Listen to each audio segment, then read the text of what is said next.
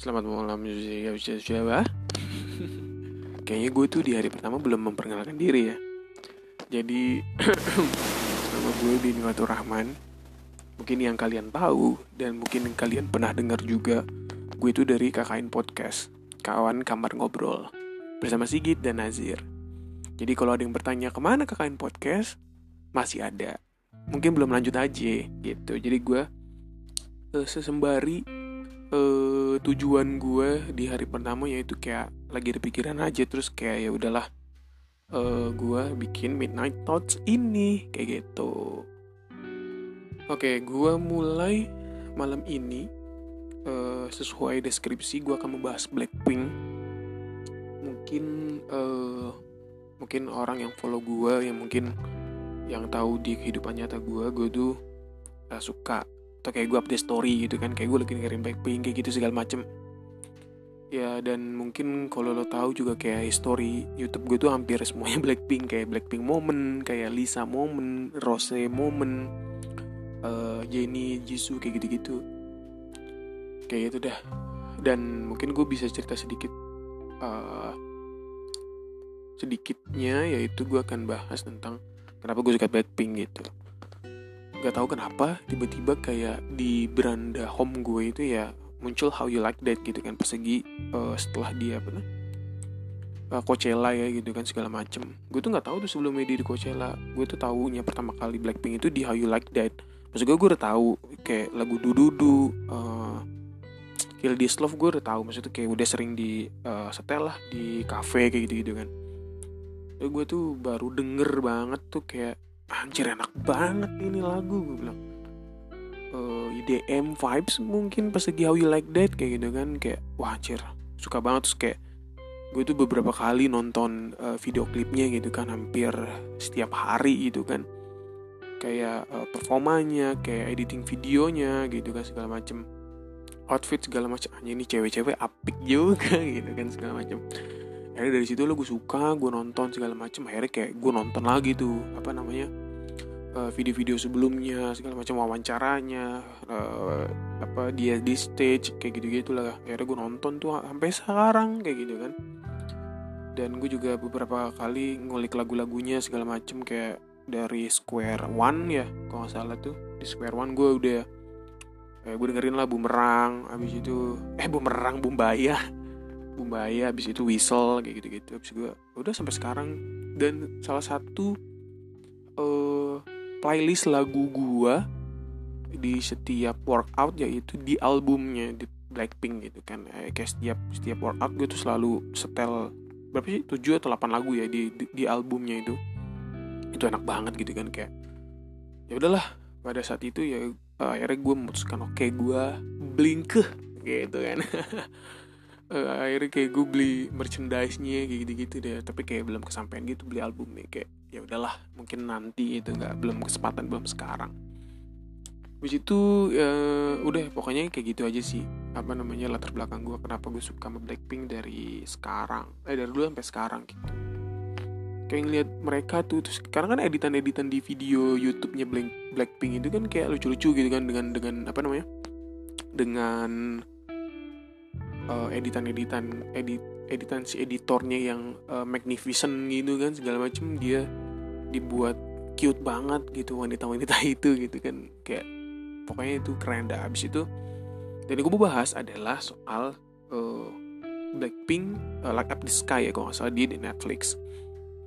Gue tuh kayaknya udah hampir dua kali dua, dua kali kayak udah nonton itu kayak oke okay, mereka sungguh, sungguh tangguh gitu ya mungkin dari awal di di di di, di apa di di scene pertama kayak kayak Lisa, Jisoo, Roche, Roche, Rose, uh, apa Jenny kayak gitu gitu masuk kan dia tahun 2016 Iya, yeah, kalau nggak salah kan eh, debutnya itu 2016 16, 17, 18, 19 tuh. Iya, yeah, 4 tahun kan segala macam akhirnya kan di albumnya itu albumnya kita keluarkan. Dia 4 tahun berkarir dan yang gua nggak sangka itu kayak uh, pelatihannya gitu. Maksud gue gue gue nggak ngerti ya apakah di Indonesia juga diterapkan itu dulu? Maksudnya dulu kan kayaknya ada grup band eh ada ada boy band ada girl band di Indonesia gitu kan kayak zaman zaman tahun 2000 berapa ya? 12 13 14 15 mungkin kayaknya ya. Yang zaman zaman si uh, Bisma itu kayak gitu apa sih namanya gue lupa gitu kan. Ada girl band dan boy band lah segala macem. Di Korea yaitu di YG Entertainment dan dan dan Blackpinknya tersebut itu ada ada ada ada masa training gitu kan. Maksudnya di di di Netflix uh, dokumenter itu dijelaskan lah di setiap personnya kan ada uh, mereka-mereka gitu kan.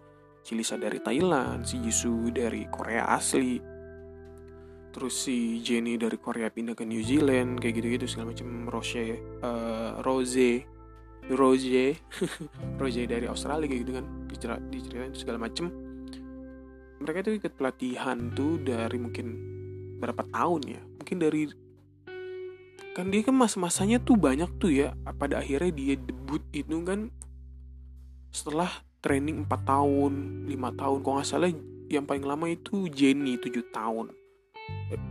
Selebihnya 6 uh, eh, Jisoo 4 apa 5 kayak gitu. Lisa sama Rose itu mungkin 5, 5 tahun training. 5 7 sampai 5 sampai 7 tra 5 tahun training.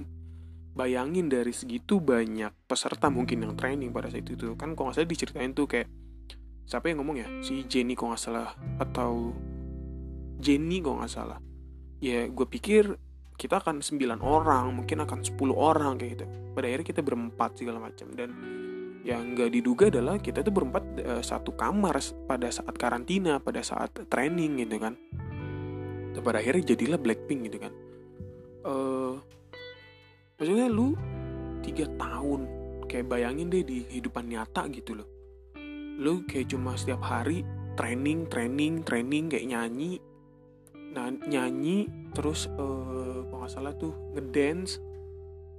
Udah kayak gitu ya kalau nggak salah ya kalau nggak salah yang yang yang gue dapet dari dokumenter tersebut gitu. That's why gue pengen ngomong ini gue penasaran gitu ya kayak selama tujuh tahun dah Jenny gitu kan. Kayak lu setiap hari kayak katanya cuma dan setiap harinya itu mungkin 12 jam lu untuk latihan 12 jam setiap hari 12 jam selama 7 tahun 5 tahun 6 tahun gitu kan. Dan lu nggak tahu mau jadi apa gitu. Bayangin lu cuma buat training doang. Lu gak tahu mau jadi apa mungkin lu udah enam tahun tapi ntar di, di, di tahun ke-6 lu tiba-tiba dikeluarin kan gak ada yang tahu gitu kan. Kayak kayak gue nggak ngerti gitu uh, apakah kayak Twice, uh, Big Bang kayak gitu-gitu melalui itu gue nggak tahu. Karena gue baru kayak sotoy-sotoy itu tuh baru Blackpink doang. That's why gue suka Blackpink gitu. Jadi gue teliti uh, setahu gue gitu segala macam. Nah di Indonesia gue nggak tahu tuh apakah ada training-training tersebut untuk untuk dapetin kayak oke okay, ini yang akan debut ini akan debut ini akan debut kayak gitu segala macam dan apakah harus lama itu gitu loh? Gue bingung gitu. Uh, di dokumenter itu tersebut tuh gue juga agak kurang puas karena kayak uh, sangat gak, gak apa ya karena kan ini empat personil gitu mungkin gak gak cukup untuk ngorek dia dari awal sampai sekarang gitu kan segala macam kayak mungkin satu jam 30 45 menit itu tuh gak cukup gitu kan. Ini kan cuma satu jam 45 menit maksudnya maksud gue gue yang gue kurang puas kayak gue tuh pengen tahu gitu masa-masa training itu kayak gimana gitu itu kan cuma cuplikan doang pas lagi nyanyi pas lagi dia ngedance kayak nyanyi dia ngedance kayak gitu-gitu doang kan. Terus gue kayak di di di di dalam kamar tuh apa yang mereka bicarakan ngobrol-ngobrol sama teman-teman lain gimana uh, bagaimana mereka di treat kayak gitu pas lagi training. Maksud gue itu sih yang gue kurang puas gitu. Gue gue, gue penasaran soal itu gitu. Kayak ya udah uh, dia cuma bercerita dia di umur segini ya gue suka nyanyi kayak gitu segala macem kayak maksudnya mereka tuh berempat berangkat dari yang kayak uh, dari diri sendiri gitu. Kayak aduh kayak gue suka nyanyi deh. Eh gue suka ngedance deh segala macam akhirnya ada audisi dia ikut. Mungkin didasari dengan itu empat orang itu kan segala macam mereka akhirnya ikut terus kayak dia pamit orang sama orang tuanya. Akhirnya orang tuanya setuju segala macam nah itu baik lagi ya ke training gitu. Mungkin gue akan ngulik lebih jauh kenapa harus ada training kayak gitu apakah emang uh, eh, YG terutama gitu ya, di, the black labelnya juga emang emang pengen mendesain seperti oke okay, nih gue akan harus benar-benar buat dia maksimal mungkin sesempurna mungkin akhirnya oke okay, harus debut. Nah, mungkin mungkin gue setuju juga apa yang kata si Jenny bilang ya ini semua terbayangkan eh, terbayarkan gitu selama training ini terbayarkan gitu loh. Ya karena kan kayak lagu-lagunya segala macam. Nah habis itu gue mau masuk ke lagu gitu loh uh, yang gue notice dari uh, dokumenter Netflix uh, Blackpink ini adalah selama 7 atau lima tahun mereka training dan di Teddy ya kalau nggak salah produser sama songwriter itu dia akui kalau dia itu menulis semua lagunya sampai sekarang. Maksudnya setiap lagu setiap track di setiap albumnya itu di singlenya itu dia yang selalu nulis maksudnya Teddy as a songwriter. Nggak nggak nggak nggak ada campur lain gitu loh. Dia juga produser ya dia yang kayak itulah. Pokoknya Teddy itu yang kayak misterius man gitu kan segala macam. Mungkin kalian juga nonton. Gue sangat uh, notice di situ karena dia kan maksudnya musisi ya gitu. Maksudnya kalau gue lihat musisi-musisi lain gitu ya kayak gak di luar atau di di di, di dalam negeri maksudnya kayak kalau ditanya atau diwawancara eh gimana? Lu tuh kalau nulis lagu tuh kayak gimana? Uh, lu dapet inspirasi lagu tuh dari mana? Ini cerita tentang apa sih segala macam ini nih yang gue jadi notice si empat orang ini dan apa di di albumnya atau di single-single sebelumnya. Pasti kan mereka bingung ya kalau ditanya uh, sama pewawancara gitu segala macam mungkin Roshi coba ceritakan dong soal lagu Kill This Love atau lagunya Love Seeker. Ya maksudnya dia bukan yang nulis gitu. Hampir semuanya mereka bukan hampir semuanya emang semuanya mereka nggak nulis. Tapi setahu gue ya kalau nggak salah Jisoo sama Jennie itu ter, uh, ter apa ya andil dalam lagunya Love Seeker kalau nggak salah ya. Correct me if I'm wrong gitu loh. Kayaknya tuh Jisoo sama Jennie itu masuk ke uh, songwrite songwrite uh, di lagu Love Singer gitu. Kayaknya ya tapi hampir semuanya lu yang nulis itu si Teddy. Maksudnya dia tuh sebagai musisi itu pas lagi training maksud pas lagi training mereka nggak disuruh bikin lagu gitu ya. Maksudnya kan dia mereka udah dapat semua fasilitas selama tujuh tahun apa enam tahun gitu kan. Anggaplah tujuh tahun gitu. Jadi selama tujuh tahun mereka training masa dia nggak dapat fasilitas untuk kayak ya udah lu coba pakai deh studionya nulis lagu gitu. Coba deh lu mainin nih musik segala macem nih alat musik segala macem gitu. Maksud gue kan kalau atau gue sampai empat tahun ini deh empat tahun ini kan udah eh, maksudnya empat tahun termasuk 2016 dia debut itu kan selama empat tahun ini mereka nggak dikasih buat nulis ah apakah mereka uh, emang disuruh nyanyi doang kayak baca skrip habis itu ngedance gitu. Lalu gue itu tuh yang gue notice gitu loh. As a musisi um, maksudnya mereka kan as a musisi kan musisi kan segala macem. Kenapa dia gak di, dikasih gitu loh? Gak dikasih andil untuk nulis sendiri tulis keresahan mereka sendiri tulis pendapat mereka sendiri. Maksudnya itu akan lebih jujur saat di panggung kayak gitu kan. Gue nggak tahu apa yang mereka di panggung rasakan. Kalau kalau kalau si kalau yang gue inget dari Rose sama si Jenny sih dia sih happy happy aja. Dia merasa hidup kalau di stage segala macam maksudnya kayak semua rasa capek sedih itu terbayangkan dengan dengan bling gitu kan segala macam tapi maksudnya dari lagunya itu loh lagunya kayak itu yang gue penanyakan kenapa dia nggak si empat orang itu nggak ada andil untuk di single-single sebelumnya dan di album ini juga segala macam apakah emang peraturan di Korea seperti itu atau di Twice di Big Bang 2NI juga.